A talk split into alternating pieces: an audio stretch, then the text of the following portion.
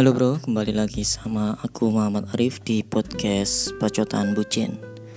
Di podcast episode kali ini kita akan bercerita-cerita tentang uh, Warna-warni ketemu pacar part 2 Karena di part sebelumnya sudah aku upload di episode ke-11 di situ aku cerita tentang bagaimana aku ketemu pacarku waktu itu ya.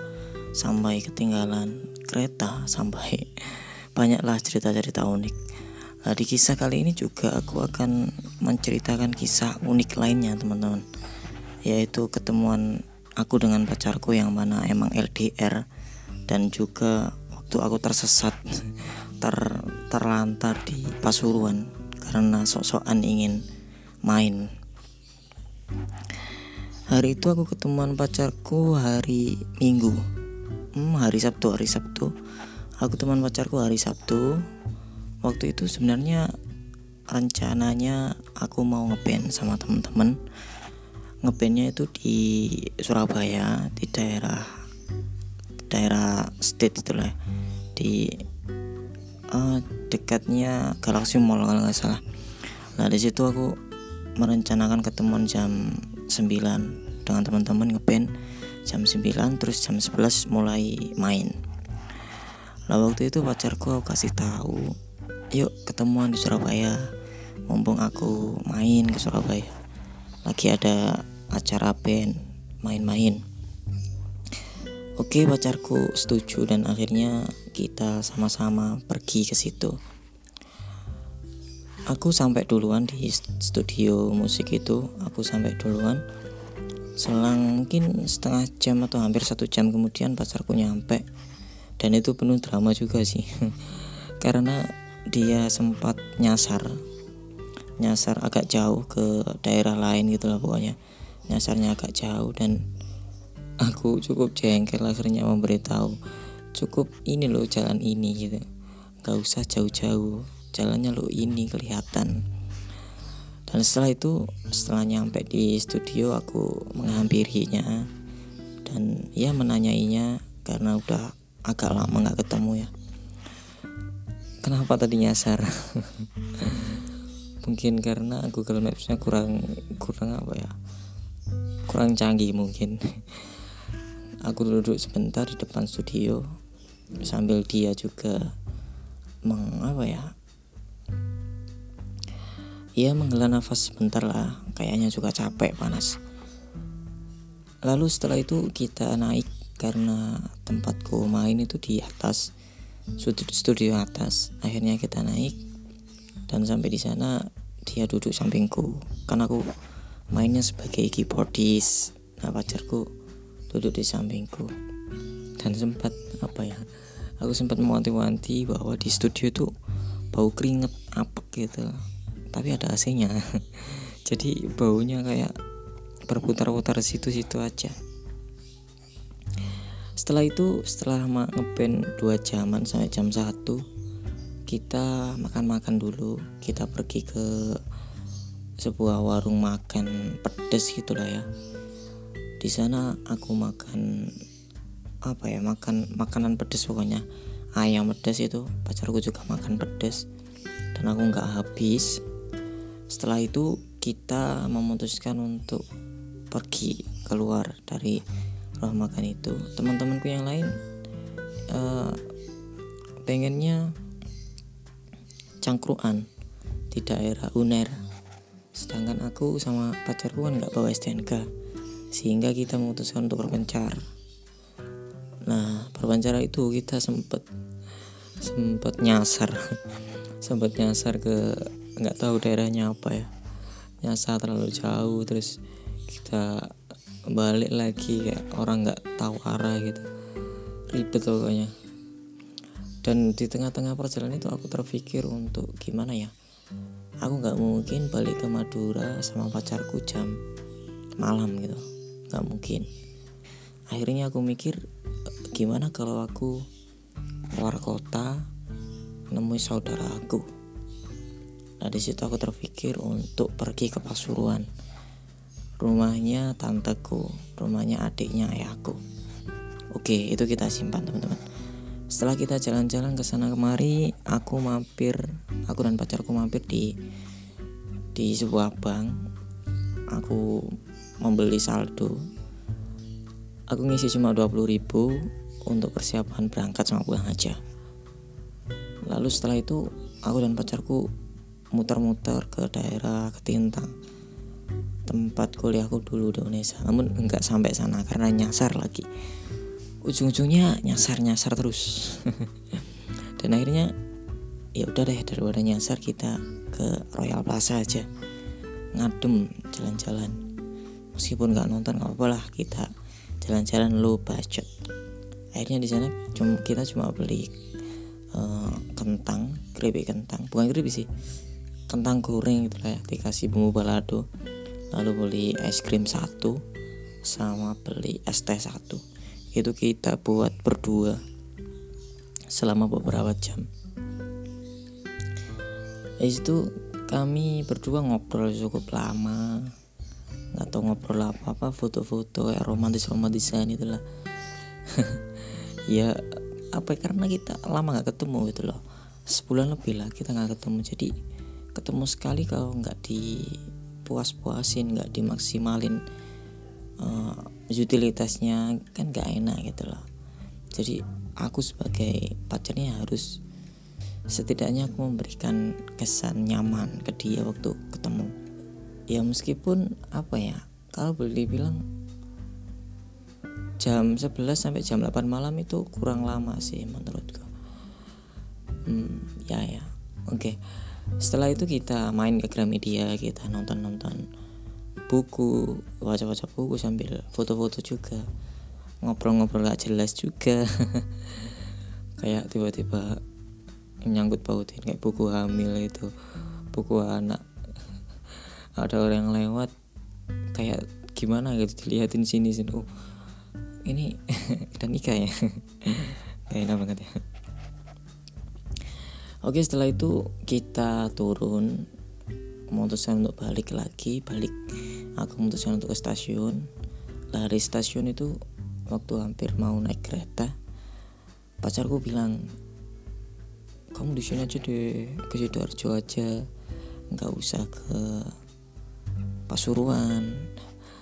Dia kayak punya firasat buruk gitu tentangku nanti. Dan memang waktu aku naik kereta badanku capek semua. Dan saudara aku yang mau aku ampirin nggak ada kabar sama sekali. Nggak bisa aku hubungin sama sekali. Dan akhirnya sampai di sana pun nggak bisa dikabarin teman-teman. Jadi aku terlantar di stasiun nggak tahu siapa-siapa nggak kenal siapa-siapa. Rumahnya saudaraku juga aku lupa apalagi rumahnya baru. Nggak tahu. Aku tanya ayahku alamatnya nggak tahu aku tanya saudara-saudara alamatnya nggak tahu kan? Susah banget gitu loh. Dan akhirnya aku muter-muter di sekitar stasiun itu. Muter-muter cari tempat yang sekiranya aku bisa duduk lah atau bisa ngecharge setidaknya. Karena waktu itu bateraiku habis dan aku cuma bawa uang 5000 dan ini kata pacarku aku di apa ya langsung dibilangin kamu goblok. Oke aku memang goblok sih. Bawa uang 5000 ke Pasuruan dan aku nggak kenal siapa-siapa. Dan akhirnya aku tidur di kayak di halte sampingnya halte itu ada angkring kecil itu. Aku tidur di situ sampai jam setengah empat. Meskipun nggak bisa tidur sih. Karena aku ngecharge HP itu di kayak cagak itu loh teman-teman. Tahu cakak nggak? Apa ya? Cakak bahasa Indonesia kayak semacam tiang. Nah tiang itu ada kayak charger agak tinggi. Terus ada karet karet dari karet ban itu. Bannya sepeda. Nah aku cepitin HP ku di situ. Aku cas satu jaman dua jaman lah. Dan akhirnya setelah jam satu pagi HP ku aku cabut dan aku dengerin podcast sampai jam 3an lah ya terus jam setengah 4 jam 4an aku pergi ke stasiun lagi. Aku coba hubungin saudara aku bisa apa enggak dan akhirnya sampai jam 5 nggak bisa. Aku mulai mulai lapar mulai pusing karena belum tidur. Badanku sakit-sakit dan akhirnya aku memutuskan untuk ya lebih baik aku kembali ke Surabaya. Akhirnya aku pesan tiket jam 6 aku WA temanku di Surabaya suruh jemput aku dan mampir ke rumahnya untuk tidur sejenak karena aku sumpah capek banget. Itu gimana ya, itu capek yang paling capek mungkin waktu aku traveling sendiri. Karena sebelum ke Pasuruan juga aku jalan-jalan sama pacarku di mall. Terus sebelum itu juga ngeband. Lalu apa ya jalan-jalan setelah di stasiun Pasuruan stasiun Bangil sebelum itu ya sebelum sampai situ aku juga sempat minjam uang ke pacarku. Aku minjam uang 50 terus pacarku punya perasaan eh kayaknya 50 nggak bisa diambil deh jangan jangan. Terus akhirnya ditransfer 100 ini ada yang unik sih. Kenapa firasat pacarku ini selalu bener ya yang pertama waktu di stasiun kamu jangan pergi. Terus kayaknya gak enak gitu ya dan ternyata di sana aku kejadian sesuatu yang nggak mengenakan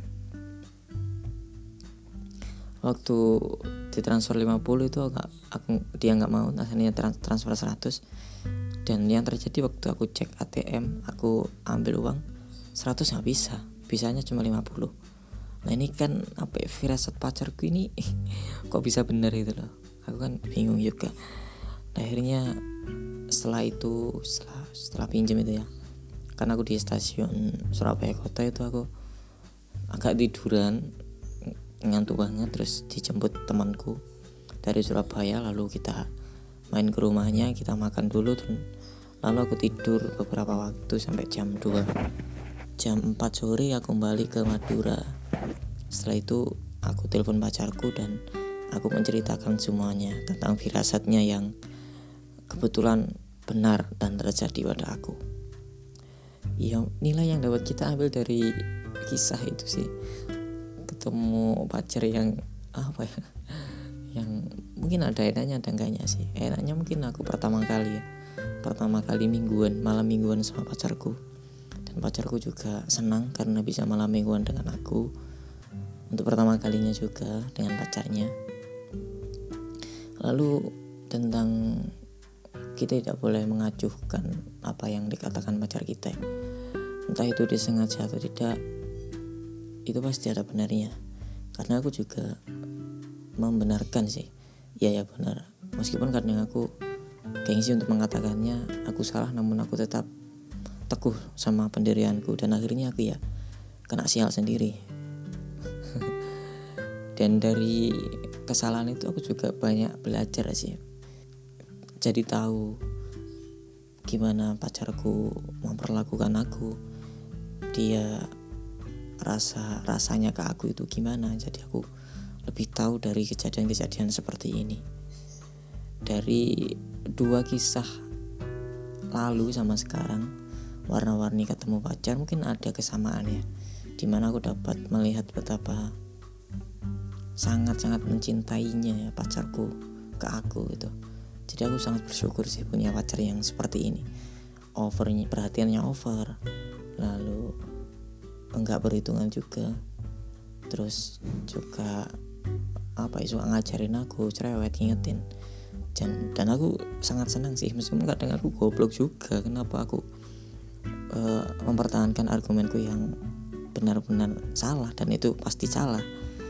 Ya aku harus memperbaiki diri juga sih dan untuk teman-teman jangan pernah sia-siakan pacar yang apa ya yang yang ada saat ini gitu. Kalau kalau bisa meskipun kalian sedang marahan atau sedang gak enak hati sama dia, cobalah untuk baikan karena itu kan juga nggak selamanya atau nggak belum tentu juga kalian akan mendapatkan pacar yang seperti itu di masa yang akan datang. Ya mungkin nilainya cuma itu ya. Kita belajar dari kisah yang udah pernah kita lakukan. Kita nggak boleh apa ya meskipun kisah sial ya, kisah nggak enak itu kita harus bisa mungkin mengambil manfaatnya. Jangan pernah uh, apa ya jangan pernah kita uh, menyalahkan situasi. Salahkan diri sendiri karena kita yang membuat situasi itu. Oke bro mungkin podcast kali ini cukup sampai di sini aja semoga teman-teman bisa mengambil manfaat dari kisahku yang cukup sial ini. Untuk teman-teman yang belum follow ataupun berlangganan podcast Pacutan Bucin bisa follow di Apple Podcast ataupun Spotify. Dan di YouTube sudah ada kayaknya bro meskipun belum lengkap semuanya ya videonya. Uh, oke okay bro sampai jumpa dan sampai ketemu sampai mendengarkan kembali podcast Pacutan Bucin minggu depan. Dadah